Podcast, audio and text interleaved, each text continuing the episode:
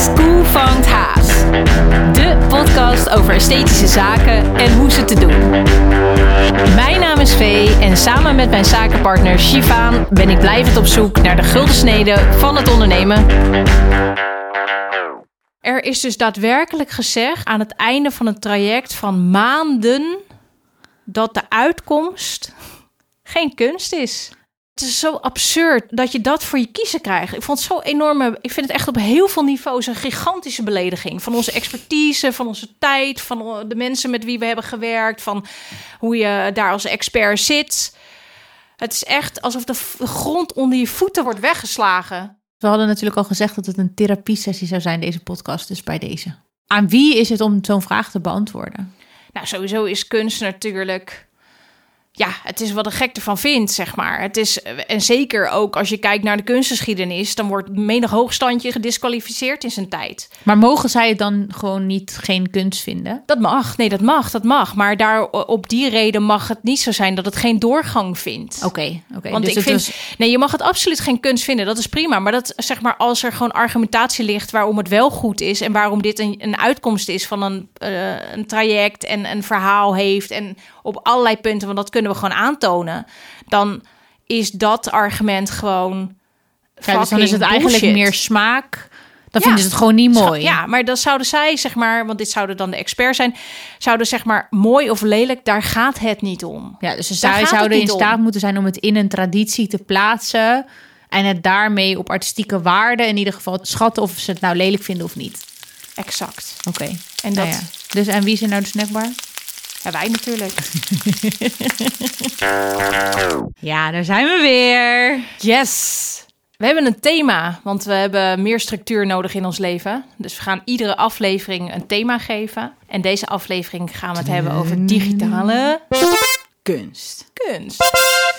Ja, waar gaan we het over hebben? Nou ja, die wilde het hebben over NFT's. Ik snap er nog steeds geen hol van, dus ik hoop straks wel. Ja, in mijn hoofd is het allemaal heel logisch, maar als ik het moet uitleggen, vind ik het nog steeds ook wel ergens een beetje moeilijk. We hebben ook wat eh, vangsten weer. En eh, ja, verder andere digitale dingen. Let's nou, go. hoe was je week, Sjaan? Nou, was leuk. We hebben weer ons helemaal het schompens gewerkt. Dus eh, nu is het weer bij, even buiten spelen, toch? Verder nog eh, bijzonderheden te melden? Of eh, wil je maar gelijk beginnen Ik met wil vangst gewoon van de gelijk week? met mijn vangst van de week. Nou, wat heb je gevangen? Wat is Nou je ik heb vangst van de week? eigenlijk ik heb twee vangsten. Want we hebben het over digitaal. Dus ik dacht, ik wil een digitale vangst delen. Mhm. Eh, want ik heb namelijk een soort guilty pleasure op Instagram. Eh, er is zo'n kunstenaar die ik volg, die heet Rogier Roeters. Oh ja. Ja, op zijn Instagram deelt hij quotes die gepaard gaan met tekeningen. Eh, het is eigenlijk vaak net een beetje vulgair of het kan eigenlijk net niet. Maar ook echt fucking grappig. Dus altijd als er een nieuwe post van Rogier op mijn Instagram timeline komt, dan, ja, dan maakt mijn hart een sprongetje van geluk. Eh, Doe eens een want- pareltje. ja, het is, ik weet niet of het eh, goed voor te dragen is. Eh, wacht, ik ga erin opzoeken. Ja, want dat zijn een soort tekstjes, toch? Maar een soort heel knullig opgeschreven. Ja, het is- kattenbelletjes. Ja, hier. Hij tekent gewoon, hij schrijft met zijn hand op papier. Eén is, iedereen heeft een lekkere kont in die sportbroek. Behalve jij. Grapje, jij ook. Jeetje, ik wist niet dat het gevoelig lag. Heerlijk. Dus het heeft best wel wat zelfspot. Eh, ja, ik moet er gewoon een beetje om lachen, zeg maar. Dat ik dan zo, als ik denk, heb ik een beetje een gare dag... en dan zie ik dat voorbij komen en denk ik, ja... Ja, het is ook wel een beetje soort confronterend of zo vaak. Stukje reflectie. Ja, ja, dat vind ik gewoon heel grappig. Oké, dus ga die man volgen. Nog één Ja. keer, hoe heet hij? Rogier Roeters. Gewoon aan elkaar. Ah, Roeters. ja, dus dat- R-O-E-T-E-R-S. Ja, precies dat. Nou. Ja, eh, daar heb ik een mooi bruggetje naar mijn vangst van de week. Want die eh, is van ook eh een Rogier van Malen. Ik heb namelijk een fantastisch belated birthday cadeau gekregen van mijn man en mijn kinderen. Ehm, want ja, ik kies eigenlijk altijd zelf wat uit. En dit keer eh, eh, duurde het nogal even. Want ik dacht eigenlijk van ja, ik kan niks vinden. En, Kon je niet dan kiezen? Kan, Je kan, wil nee, dan mag gewoon hebben. beter niks. Maar toen zag ik deze enorme kandelaar staan. Het is echt best wel een unit van ongeveer halve meter hoog. En het lijkt eigenlijk op een soort van koraal... waar je dan gewoon acht kaarsen in zet. Maar het is heel organisch. het? Het is roze. Licht, donker. Lichtroze, snoeproze. Heerlijk. Biggetjesroze. En daar is eigenlijk ook weer epoxy. Ja, ik heb vorige week had het over Nien Koster. En ehm, nu hebben we weer wat met druipers. Ja, dat doet gewoon wat met me. Ehm, Druipers doen wat met je. Nou, welkom. Precies. Wonderenwereld die, eh, van Vee. Ja, Kandelaar. Die, ja, goed, ik vind hem echt helemaal te gek. En ik heb gelijk bij eh Momantai, eh heel tof eh, designmerk, kaarsen besteld. Met een gradient van roze naar wit. Ja, nu is hij dus helemaal af. En ik zet hem nu gewoon steeds aan. En dan zit ik er een beetje naar te kijken. Alsof ik zo'n eh holbewoner ben die in zijn vuurtje staart. Word- ja, word ik toch wel even heel intens gelukkig van. Mijn oppervlakkige zelf. Maar ik heb ook iets wat jullie, eh, hè, over, over digitaal gesproken. Een hele toffe documentaire die ik op Netflix heb gezien. Van eh, Bo Burnham. Nou ja, film is het eigenlijk is helemaal geen documentaire. Een beetje auto, autobiografisch wel. Inside. Waarschijnlijk hebben al veel mensen hem gezien op Netflix. Waar gaat het over? Ja, dat is een gast. Hij is dus eh stand-up comedian eh, figuur. Ik had wel eens van hem gehoord, maar dit is eigenlijk het eerste wat ik van hem zie.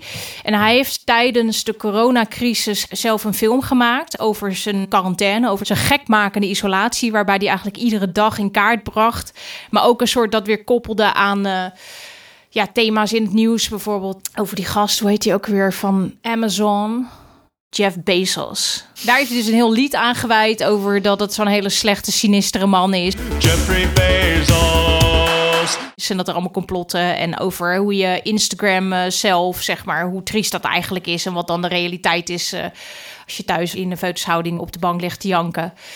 Nou ja, het is echt heel, ik vond het heel interessant. Het is echt een soort tijdsdocument. Ik vond het eigenlijk best wel een kunstwerk ook. Dus eh, En waarom greep het je zo aan? Nou, ik vond het heel bijzonder dat hij dat helemaal zelf had gemaakt. Want zowel eh, script geschreven dus, maar ook de sets gebouwd en licht gemaakt en zingen, goede teksten. Dat ik dacht, wauw, wat tof dat je dat kan. En ook zo binnen al die beperkingen, dat je dan zo'n tof verhaal kunt bedenken en daaraan kan werken. En ook zo persoonlijk eigenlijk. En ik dacht van, als je nou iets gaat vertellen over hoe die periode is geweest... Eh, in ieder geval wat, waar, ik mezelf heel erg in herken, is deze film. En dan eh, ooit eh, mijn kleinkinderen die misschien vragen... Oh, je was toch in de grote pandemie van eh 2020, 2021? Hoe was dat dan? Nou, misschien dat ik dan wel zeg... Moet je even naar die film kijken van eh Bo Burnham. Dat denk ik zomaar. Want je herkende ook veel gewoon van hoe je jezelf voelde tijdens de lockdown erin? Of Nou, dat niet zozeer. Eigenlijk, ik vond de lockdown eh, best wel fijn. Maar ja, meer dat je gewoon al die hedendaagse fenomenen, zoals eh, weet ik, TikTok en eh, gewoon socials, weet je, hoe mensen daarmee omgaan, wat voor achterlijke dingen ze allemaal aan het doen zijn. eh, hoe raar dat is, ook cancel culture, maar ook inderdaad nu die nieuwe conspiracy-achtige mensen die zich met elkaar aan het verzamelen zijn in echt de meest rare, obscure ideetjes die opeens allemaal aan elkaar worden verbonden. En daar legt hij best wel goed zijn vinger op, zeg maar. Eh, Het stukje reflecteren weer met humor. En er is ook een hoog musical gehalte, dus ehm, nou, ik heb hem alleen moeten kijken, want eh, daar hoef ik niet bij mijn man mee aan te komen. klinkt herkenbaar. Oké, kijken dus. Ja, kijken. Ga hem kijken op Netflix. Inside. Inside van Bo Burnham. Eh, hebben we tijd voor nog één? Nog een vangst? Heb je nog meer gevangen? Ja, ik heb nou, eigenlijk nog niet, want ik heb het meegenomen. Het is een pakketje, was denk ik, het is nog onuitgepakt. Dus het is een soort eh, unboxing. Auditieve unboxing. Ik heb een pakketje in mijn hand. Het is in een eh, plastic zak, is het. Aankomend weekend ben ik 15 jaar samen met mijn man. Dus dat vond ik een goede aanleiding om een cadeautje te kopen.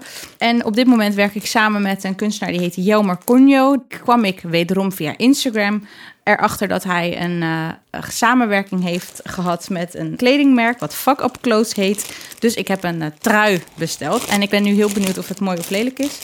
Dus dat eh, kunnen we nu met elkaar beoordelen. Volgens mij knisper je wel heel erg. Dat is toch lekker? Dat hoort er toch bij? Dat is, dan kan ik eigenlijk zo fluisteren. Zodat we dan Oké, daar komt hij dan een plastic zakje. Het is uh, Komt een, eh, blauw. een lichtblauwe trui. En dat is, heeft dus een eh, Oh, is heel cool. van, eh van Jelmer. Het is een beetje, het is een dunne trui. Bloemen, vakjes, lusjes. eh, ja, Jelmer zijn handtekening is best wel kinderlijk en speels. Eh, nou, vinden we het leuk? Heel grafisch. Oh, die achterkant is achterkant. nog, eh, nog meer statement. Leuk? Ja, ik kan er ook boterkaas en eieren op spelen. Nou, sorry Peter, ik heb jouw cadeau alvast uitgepakt. Ik vind het leuk. Hoop jij ook. Gaat hem heel leuk staan. Nou, Ze heeft Dat weer wat het. moois voor je bedacht, Peter. Oké, nou, dat waren de vangsten van de week. Weer goed gelukt, lijkt mij. ja, nu zijn we arm. Dus over naar de orde van de dag. Oké, ik ben dus echt heel erg geïnteresseerd in NFT's. Ik snap er geen hol van. We hebben echt superveel gelezen. Ik snap het nog steeds niet. Een NFT is een non-fungible token. Dat is eigenlijk een unieke code die je bijschrijft in de blockchain. En dat betekent dus dat zo'n NFT is een soort van cryptocurrency, alleen er bestaat er maar één van. En daarom is het dus eigenlijk heel toepasselijk voor zaken zoals eh, kunst of eh, muziek of recepten of artikelen, waarbij je dus altijd kan terugvinden wie heeft het gemaakt. En ook dat het dus een heel uniek item is. Zoals natuurlijk in de kunsten heel gewoon. En dat is heel erg interessant, omdat het dus laat zien de oorsprong van waar, hè, wat is de bron, waar komt iets vandaan. Dus de kunstenaar kan echt aantonen, it's mine. Anderzijds kan de kunstenaar ook bij het maken van die eh, NFT aangeven dat hij of zij bij iedere future eh, verkoop van zo'n NFT een percentage eh, meedeelt in de sales, bijvoorbeeld 10%. Nou ja, dat is natuurlijk ook uniek, want eh, hoeveel kunstenaars en ook hele bekende kunstenaars hebben nou eigenlijk in hun carrière geprofiteerd van die prijsstijging van hun eigen werk? Nou, dat is over het algemeen gezien heel, heel minimaal. Nou ja, goed voorbeeld daarvan is eh, bijvoorbeeld Diepel, een van de NFT-makers van het eerste uur. En hij heeft dus een werk geveild bij Christie's eh, voor, als ik het goed zeg, 58 miljoen euro. Euro, ja. ja, en dat zet hem dus in het infamous rijtje van de drie best verkopende kunstenaars bij leven. De, de andere twee zijn David Hockney en Jeff Koons. En deze Beeple komt vanuit niets op nummer drie. Ja, het is heel interessant wat daar gebeurt. En vooral dus eh, over de autonomie gesproken, over zelf direct met kopers eh, eh, kunnen onderhandelen. Het is gewoon een heel nieuw medium, heel spannend. Ook ja, is het een tulpenbol? Dat weten we nog niet. Het zijn veelal digitale kunstwerken die worden verkocht via die NFT's. Je kunt ook eh, een, iets fysieks verkopen en daar een code aan hangen. Dan is het meer een soort bewijs van eigendom. Ja. Maar je kunt ook dus digitale dingen verkopen. Ja. En in principe zijn die digitale dingen natuurlijk toegankelijk voor iedereen. Ja, Maar, maar, is één dus eigenaar. door dat er zo'n NFT aan zit, heb je dus één eigenaar en creëer je dus alsnog een soort schaarste, waardoor dus die waardestijging plaatsvindt, toch? Ja, exact dat. Eigenlijk kan iedereen gewoon nog steeds dat digitale bestand delen. Maar iemand bezit die unieke code op die blockchain. En dat is gewoon de echte eigenaar. En die kan dat dus ook verhandelen aan een volgende. Of daar eh, mee pronken eigenlijk. Want het is ook wel echt een soort speculatief slash heel erg eh, laten zien van eh, wie de langste heeft. Oké, nou, en dus de koper van Beeple had dus de langste. Ehm, maar wat, wat is het eigenlijk? Dat, dat werk van Beeple, we hebben het even opgezocht. Het bestaat uit 5000 plaatjes die aan elkaar geplakt zijn. Maar ja, iedereen kan het maken. Dus het is enerzijds super democratisch, de- maar er zitten ook alle kwaliteiten zitten ook door elkaar dan. Ja, maar je hebt wel verschillende platforms die meer een soort van ballantage doen. Zoals OpenSea, Rarible en Foundation. Vorms waar je niet zomaar op kan, dus waar wel echt eh, wordt gecureerd. Dus dat is natuurlijk nu aan het ontstaan. Maar er kleven absoluut wel een aantal nadelen aan. Bijvoorbeeld het intellectueel eigendom. Want aan de ene kant, als je een NFT uploadt, daar zeg je mee, het is van mij. En je moet dan ook echt eh, eh, natuurlijk aanvinken dat je dat ook eh, met recht kan zeggen. Maar er zijn al best wel wat makers die hun eigen werk hebben gespot, wat geclaimd is door derden als zijnde uniek van hen. En ja, dat is natuurlijk wel iets waar nog geen wetgeving voor is. Dus dat is een beetje een. Oké, dus het is niet het plagiaat ongevoelig, zeg maar, dat wordt niet geëlimineerd door nee, deze. nog niet. Daar moet nog iets op worden bedacht. En anderzijds is het ontzettend milieubelastend. Ja, blockchain is dus gedecentraliseerd. Dat betekent dat iedereen eigenaarschap heeft over iedere nieuwe, ja, nieuw, nieuwe code die erbij komt. En eigenlijk moet iedere keer als er dus een NFT wordt gemined, die wordt bijgeschreven in de blockchain. Oké, dus dat is als je, eigenlijk als je er een maakt, dan noem je dat dat je een NFT mindt. Ja, hier wordt het bij mij ook altijd een beetje fuzzy. Eh, maar in principe is het zo dat als je dan eh, die NFT dus mindt, dan moet dus door die hele community eigenlijk moet dat eh, worden, eh, worden bijgeschreven bij iedereen. En eh, ja, dat gaat natuurlijk gewoon gewoon over data, enorme gewoon data, dus enorme dataverbruik. En dat maakt het dus eh achterlijk milieuvervuilend. Ja, dat is wat er, wordt dus wel keihard aan gewerkt om daar dus een oplossing voor te vinden. Maar ja, goed, eh, hoe ga je dat dan doen? Gaan er dan nog maar een selecte club die de meeste coins in handen hebben, daar dan eh, een akkoord op geven of zo in de toekomst? Maar wat betekent dat dan weer voor het systeem? Zijn allerlei eh, hele existentiële vragen die dat weer met zich meebrengt. Dus dat is iets wat niet heel snel zal worden opgelost. Aan de andere kant, voor de kunsten is het een heel interessante tool om in de toekomst. Is het de toekomst? Ja, ik denk wel dat de toekomst is. Ook denk ik naar onze business toe. Dat we misschien wel naar, eh, naar onze klanten toe in een contractvorm eh, middels een NFT zeg maar afspraken maken over, eh, over werk wat wij hebben gemaakt. En dat dat er naast het fysieke component dat daar zo'n soort NFT bij komt die waarin ehm, Een soort Ja. hybride situatie dan. ja, dat, dat, ik denk dat dat heel interessant is. En vooral dus die autonomie van de kunstenaar. Kijk, als het gewoon goed gaat met dat intellectueel eigendom... eh, wat dan nog een, lastig punt is. Maar als dat kan worden georganiseerd... dan zeg maar die autonomie voor die kunstenaars... en ook dat je dus met iedere future sales ook eh, mee eh, groeit, financieel. Maar bijvoorbeeld je kan ook instellen dat een vroege investeerder... dat die ook eh, een percentage krijgt van iedere toekomstige Er sales. worden bijna een soort aandelen eigenlijk in Ja, dat en dat, kunstwerk. dat maakt het natuurlijk als prikkel om gewoon wel die kunstenaar in een vroeg stadium te helpen. En daarin, eh, hè, dat, dat, dat soort ook weer een speculatief ding. Maar dat is natuurlijk vaak wel een prikkel voor veel verzamelaars. Om misschien te investeren en die, die kunstenaar of die maker verder te helpen. De uitleg was voor mij helder. Mocht het voor eh, de mensen thuis niet helder zijn, eh, schroom niet om eh, extra vragen in te sturen. Dan gaan wij kijken of we in de vortex van het wereldwijde web daar een antwoord op kunnen vinden. Maar we hadden eigenlijk het voornemen om voor deze aflevering zelf een NFT te maken. Gewoon omdat we snappen het niet helemaal. We kunnen ons vinger er niet op leggen. Dus dan doen we het altijd het liefst zelf. Eh, om er goed over te kunnen praten. Maar dat is niet gelukt. Nee, ja, het zit, ik zit met dat intellectueel eigendom. Want ik had dus, eh, zeg maar, voor het maken van deze podcast... hebben we een aantal voorzetten gedaan van wat het logo zou kunnen zijn... en wat het artwork zou kunnen zijn. En ik dacht, oh, dat is leuk om een, om een schetsje van het artwork... Van koe vangt haas. van Koe vangt haas als NFT te verkopen. Maar ja, wat heb ik daarvoor gebruikt? Ik heb daar verschillende ja, dingetjes die ik vond op het eh, wereldwijde web... heb ik bij elkaar gebracht in een tekening. Ja, er zitten ook dingen in die zijn van anderen. Dus eh, noem- eh, dat is meer een, een soort van... ehm, hoe noem je dat ook alweer? Je plagiaat. ja, plagiaat. Jongens, Nee, eh, want ons logo je- bestaat uit plagiaat. ge- gecreëerd door Vee. Nee, maar ik moest gewoon een soort van eh, kunnen aantonen aan eh, onze grafische dame Rosa van wat ik in gedachten had. En het was best wel aardig gelukt, al zeg ik het zelf. Maar ja, ik had wel gewoon een paar plaatjes, onderdelen gebruikt waar ik weer overheen had getekend en dingen in had geplakt. En, Ja, maar dan is het toch een soort nieuw werk. Dan heb je toch het ge, nee, ge Jeff Zeg maar. ja, zou je denken? Nou, ik vond Als, het als het voldoende is aangepast en niet meer soort perfect terug te leiden naar het initiële ding, dan volgens mij mag dat. Oké, nou, het is dus gestrand op een existentiële crisis over intellectueel eigendom. En ook omdat ik gewoon eh, liever mijn luide moe was. Oké, maar, dus, wel- dus, maar we weten wel hoe het zou moeten, toch? Ja, ja, inmiddels. Oké, dus als, stel, ik ben een kunstenaar of een maker of gewoon een andere vakidioot die denkt: dit klinkt echt super interessant, ik wil een NFT maken. Ja. Wat moet je dan doen? Nou, allereerst heb je eh, cryptocurrency nodig. Dus eh, Ethereum is een, eh, is een cryptomunt die, die je eigenlijk zou moeten hebben. Dat, die wordt veel gebruikt bij het maken van NFT's. Dat betekent dat je eigenlijk een wallet moet creëren. Dat kan via verschillende platforms. Wat als je dat op? YouTube... Dat is een portemonnee waar een digitale portemonnee waar je je cryptocurrency in kan eh, uploaden.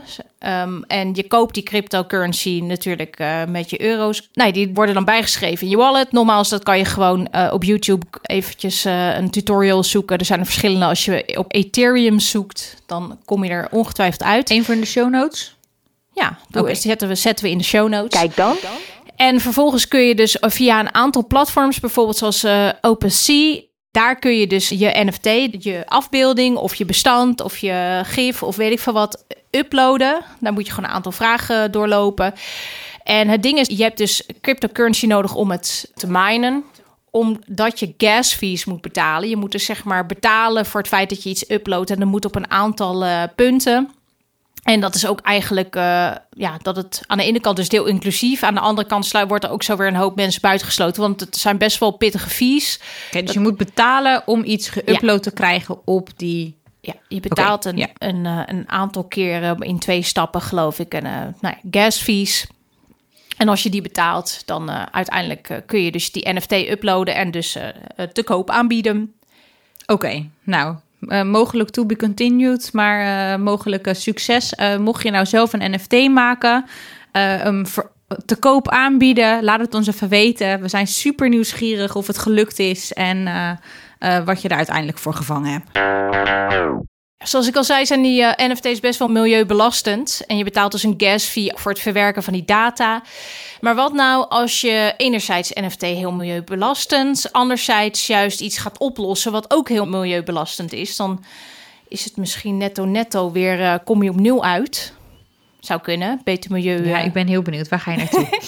Nou ja, ik had een heel tof werk gezien van Amber J. Sloten, als Ja. ik het goed zeg. En zij heeft dus een NFT eh, gemaakt die verkocht is. Dat is een jurk, een digitale jurk. Die je dus uniek kunt bezitten en op je socials aan kunt hebben, bijvoorbeeld. Maar zij voorziet ook sowieso dat de fashion-industrie eigenlijk een hele andere richting op zou moeten gaan. Eh, de mode-industrie is natuurlijk zeer vervuilend in productie. ehm, nou ja, belastend voor het milieu, maar ook voor de mensen die het maken. Zeker in de wegwerpcultuur waarin we zitten, dat je even een H&M'tje bestelt wat je een maand draagt en dan eh, gooi je hem eigenlijk alweer weg, omdat het allemaal slecht gemaakt is enzovoorts. Ja, waarom zouden we dat eigenlijk doen? Want eh, we manifesteren ons over het algemeen steeds meer digitaal, gewoon op, op de gram of op, eh weet ik Zoom. veel, TikTok. Die mensen die heel veel jonger zijn dan wij. Ehm, en daar kan je dus dan iedere keer weer een nieuw lekker digitaal outfitje aan, wat niet belastend hoeft te zijn voor het milieu. Maar wat, hoe, moet ik dat dan voor me zien? Zit ik dan gewoon in mijn naki op de sta ik dan in mijn naki op de foto voor de gram en dan shop ik daar iets overheen? Of Nee, het is gewoon een filter eigenlijk, zoals al die AR-filters werken. Dus eh, je kan nu natuurlijk eh, een leuk filter over je gezicht, dat je opeens eh, groen bent of oortjes hebt. Of, ja, of opgespoten heb ik laatst ook gedaan met de kinderen. Dat was heel grappig. ja, zo'n lekker ja, zo lekker zo. Kylie Jenner kop. Ja. Met van die... Oké, maar dus het is een, een soort filter. Maar hoe ziet het er dan uit op zo'n NFT? Nou, die NFT zorgt dus dat jij die jurk als enige echt bezit. En die kan je dan mogelijk ook als enige aan. Maar het kan natuurlijk ook zo zijn dat gewoon meer mensen die diezelfde jurk aan kunnen doen online middels een filter. Maar dat jij dus de rechtmatige eigenaar bent. En ja, hoe die kleding eruit ziet is gewoon zoals je je kan voorstellen hoe kleding eruit ziet in het echt. Maar Alleen- ja, als het gaat om kleding, nou ja, we zijn allebei best wel uitgesproken. Dus ik eh, zag we van, eh, van Amber J zag ik ook al wat, eh, wat mooie ontwerpen voorbij komen. Maar zou je het doen? Zou je het kopen? Nu, nee, ik zou Het het, is nu nog niet doen. Ik ben meer een late volger wat dat betreft. Ik hou gewoon heel erg nog van het aanraken, van het voelen. En ik zou me toch, het is toch een beetje nieuwe kleren van de keizer dan of zo. Dat je zelf van jezelf weet dat je nu in je, in je greenscreen eh underpants zit. Nee.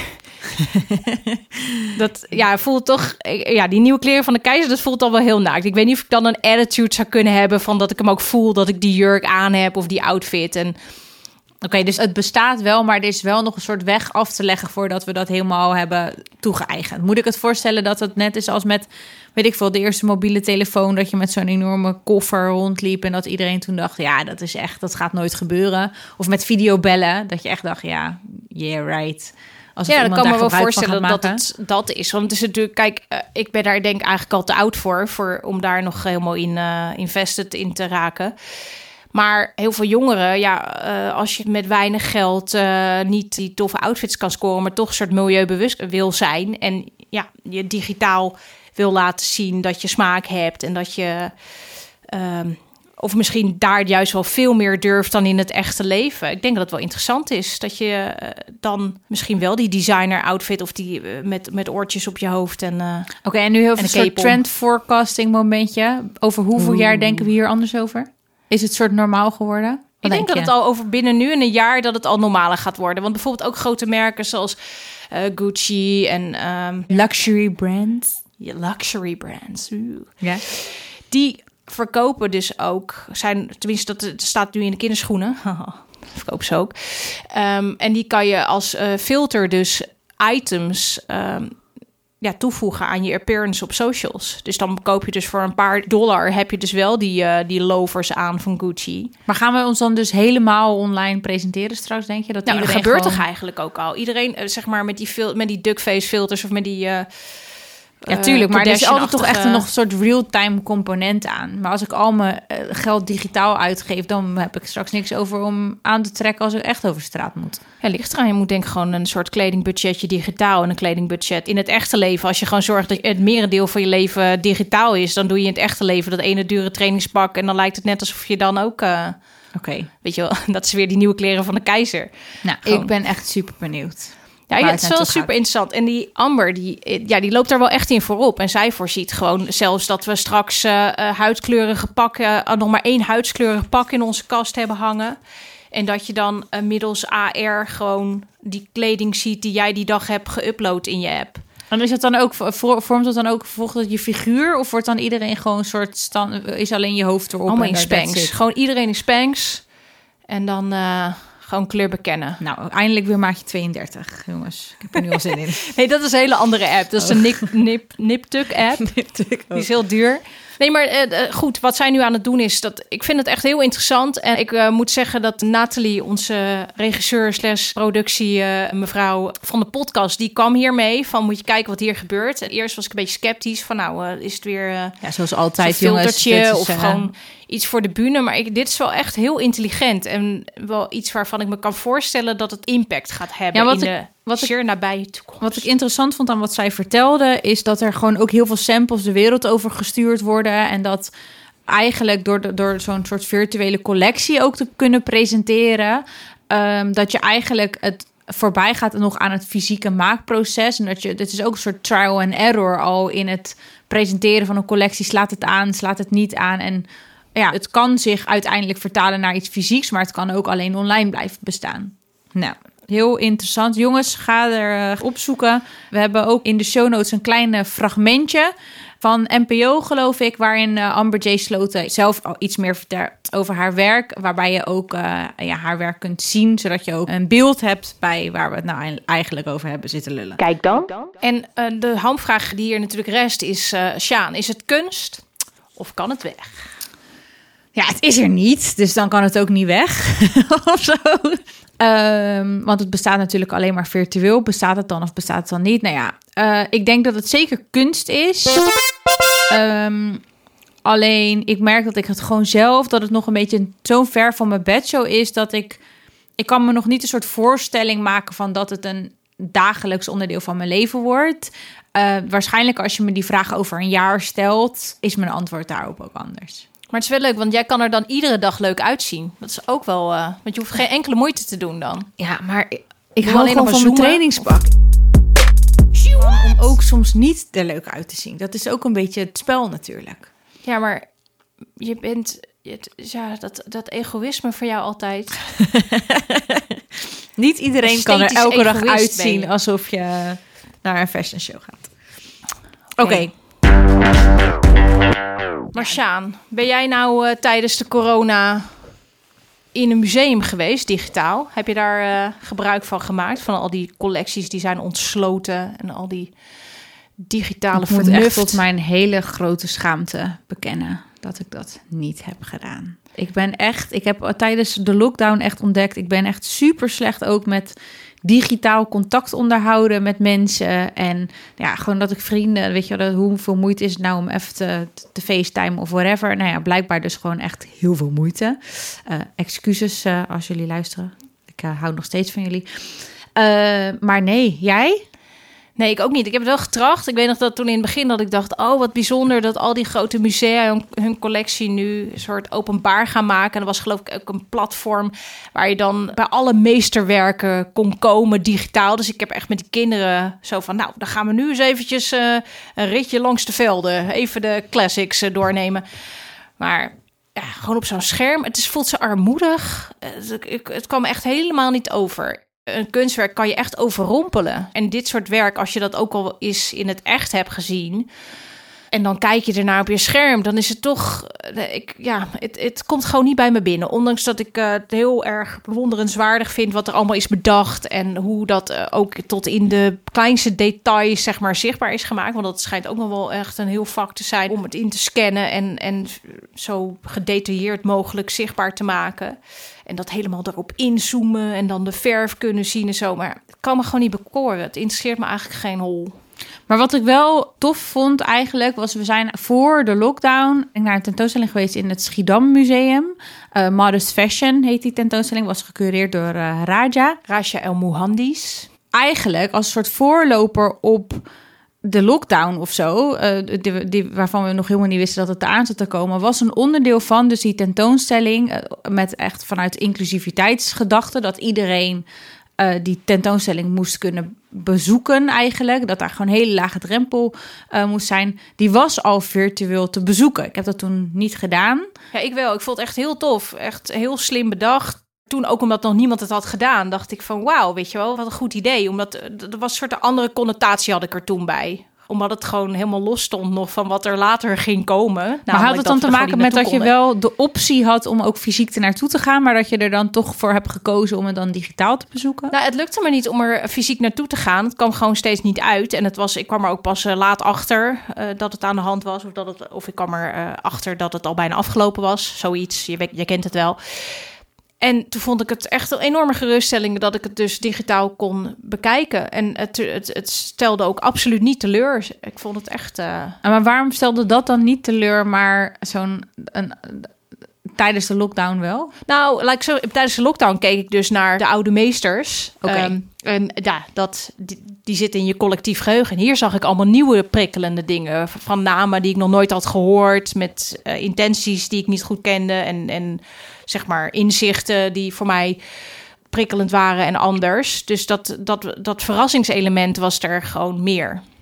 Dus eigenlijk, als het dan bijvoorbeeld gaat om oude meesters, dan wil je die ambacht en de grootsheid of zo ervan, de kwaliteit van het werk van dichtbij kunnen beleven. Maar als het meer gaat om het ontdekken van nieuwe ideeën of andere perspectieven, dan is eigenlijk zo'n digitale wereld juist een soort makkelijk en democratische manier om je daarin te kunnen verdiepen. Ja, en zeker met hedendaagse kunst. Dat sluit ook alweer veel meer aan met de digitale belevingswereld die we nu hebben dan natuurlijk de oude meesters die nooit zo bedoeld zijn net als zeg maar die musea die dat hosten, daar zie je toch een soort het ongemak van de, uh, de, tijd van het nu. En dat, uh, dat ze toch eigenlijk liever laten volgers zijn, hè? De, uh, toch meer de archieven dan de, de, de koplopers. Ja, okay. en dat, dat valt me op. Maar aan de andere kant, in Schiedam is natuurlijk ook een museum waar dat dan wel is toegepast. En dat, dat vond ik gewoon goed werken. Maar ik moet zeggen dat niet ik, voor alles. Nee, niet voor alles. En ik moet ook zeggen van uh, daarna zijn er meerdere tentoonstellingen geweest waar ook zo'n component bij was. En dat was dan niet dat ik dan gelijk dacht van nou, daar ga ik naartoe. Maar als je het hebt gewoon over digitaal museum, een beleving uh, die een soort uh, hybride is, dan heb ik nog wel uh, heb ik iets meegemaakt wat ik echt van mijn leven niet meer ga vergeten. Dat was toen ik in Tokio was in 2019. Toen was ik dus uh, in een enorme kunstinstallatie van het kunstenaarscollectief Team Lab. En dat is een museum dat heet Borderless. Nou, dat was echt mind is blown gewoon. Dat zijn eigenlijk uh, enorme ruimte gevuld met uh, digitale installaties die ook interactief zijn en echt immersief. Dus je stapt echt in een beleving die dan een, een kunstwerk wat over je heen groeit, wat soort onder je voeten doorloopt met muziek en decorstukken die daar helemaal opgaan, waardoor je ook gewoon hoe je je moet bewegen, zeg maar, helemaal moet aanpassen aan, aan dat kunstwerk. En dat ik vond het zo magisch. En, en nog uh, honderdduizenden anderen met me, want ik heb daar, uh, ik geloof, we kwamen aan en we hadden tickets gereserveerd. En we liepen nou, een trap op, uh, ergens op een soort bedrijventerrein, maar dan natuurlijk uh, belachelijk groot, want het is Tokio. En uh, wij liepen heel naïef zo die trap op naar iemand die daar stond. Ja, we zijn er. We zijn er, we hebben gereserveerd. Kijk ons eens eventjes lekker slim geweest zijn. Toen zei die meneer, ja, ja, dat is goed. Maar dan moet even daar achteraan in de rij aansluiten. En we keken ze naar beneden en er stond echt een rij van duizend mensen. Echt een soort Efteling, ja. Efteling gone ja, wild. Ja, echt zo. Die hadden allemaal datzelfde kaartje voor datzelfde timeslot. Uh, gelukkig uh, uh, konden er een soort doorlopende tentoonstelling, letterlijk en figuurlijk. Dus iedereen werd, ja, je, je, gaat, je loopt de route en dan word je weer uitgespuugd. Ja. ja.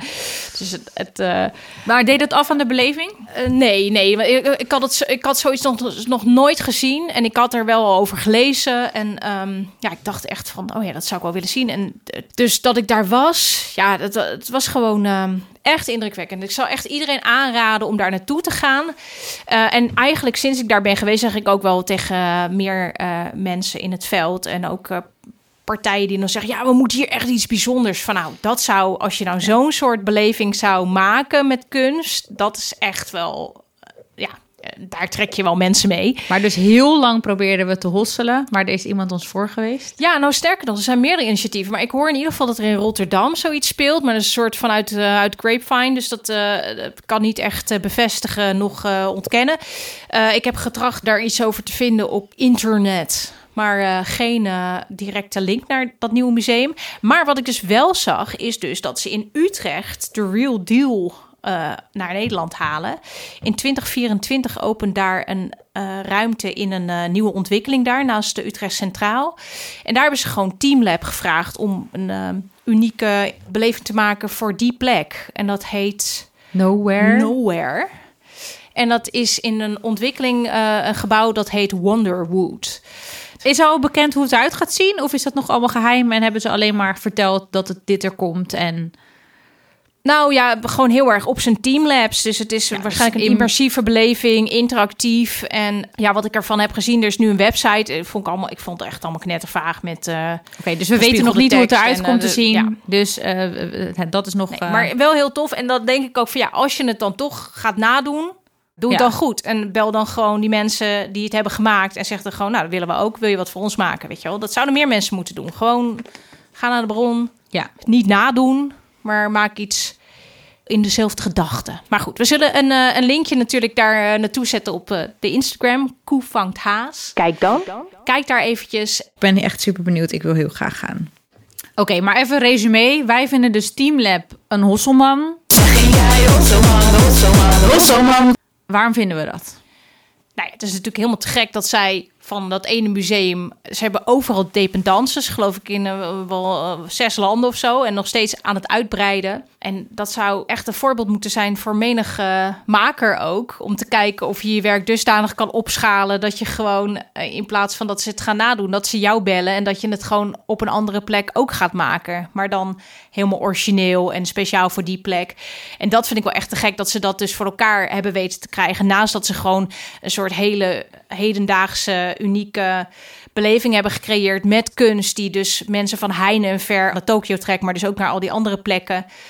Dat is gewoon bewonderenswaardig en eh, echt eh hosselen als een, eh, als een malle. Oké, nou ik denk dat we ehm, een, een volle aflevering hebben gehad over digitale kunst. Dat we heel wat hebben besproken. Dat we ja, weer goed onze meningen eruit hebben ge. Maar we zijn natuurlijk ook heel benieuwd wat jullie ervan vinden. Wat vinden jullie eigenlijk van digitale kunst? Laat even wat achter op onze socials. Is het kunst de- of kan het weg? op onze Insta, Koe vangt haas, waar je natuurlijk ook onze vangst van de week kunt zien en nog een keer kunt terugkijken naar de Hosselman. Volgende week gaan we het hebben over intellectueel eigendom. Wij weten er tegen wil en dank veel te veel van af. Dat moet Maar gewoon. ook veel niet. Dus eh, ja, maar we, gaan, we zijn altijd gewapend eh, tot ons G-strings. als we ergens beginnen, als het over intellectueel eigendom gaat. Ehm, voordat het een gesprek kan worden, is het vaak eerst een, eh, een relletje of een, eh, of een strijd. En eh, ja, we gaan eh, jullie daarin in meenemen in de wonderenwereld van wat er allemaal kan. De do's en don'ts en eh, ja, hoe je bepaalde situaties kunt aanpakken. Dat volgende week. Ja, mocht je super specifieke vragen hebben, vinden we het ook leuk om die te krijgen. Ehm, we gaan kijken of we die kunnen beantwoorden. Of dat we misschien wel met onze jurist daar onze tanden in kunnen zetten. Om eens te kijken hoe dat dan zit. Dus stuur je vragen in naar koevangthaas.arttenders.com. Ja, of laat het achter op, eh, op onze Instagram. En eh, super specifieke vraag. Je mag ook gewoon hele algemene vragen. Want we kunnen ook gewoon beginnen bij het begin. Dat, dat is misschien. eh, Gewoon eigenaarschap überhaupt. Later eh, in dit seizoen gaan we het ook nog hebben over autonomie in de kunst. Over kunst in de publieke ruimte. Hoe dat aan te pakken. Er komen gasten. Dus stay tuned. Het wordt alleen maar beter mensen. Oké, you.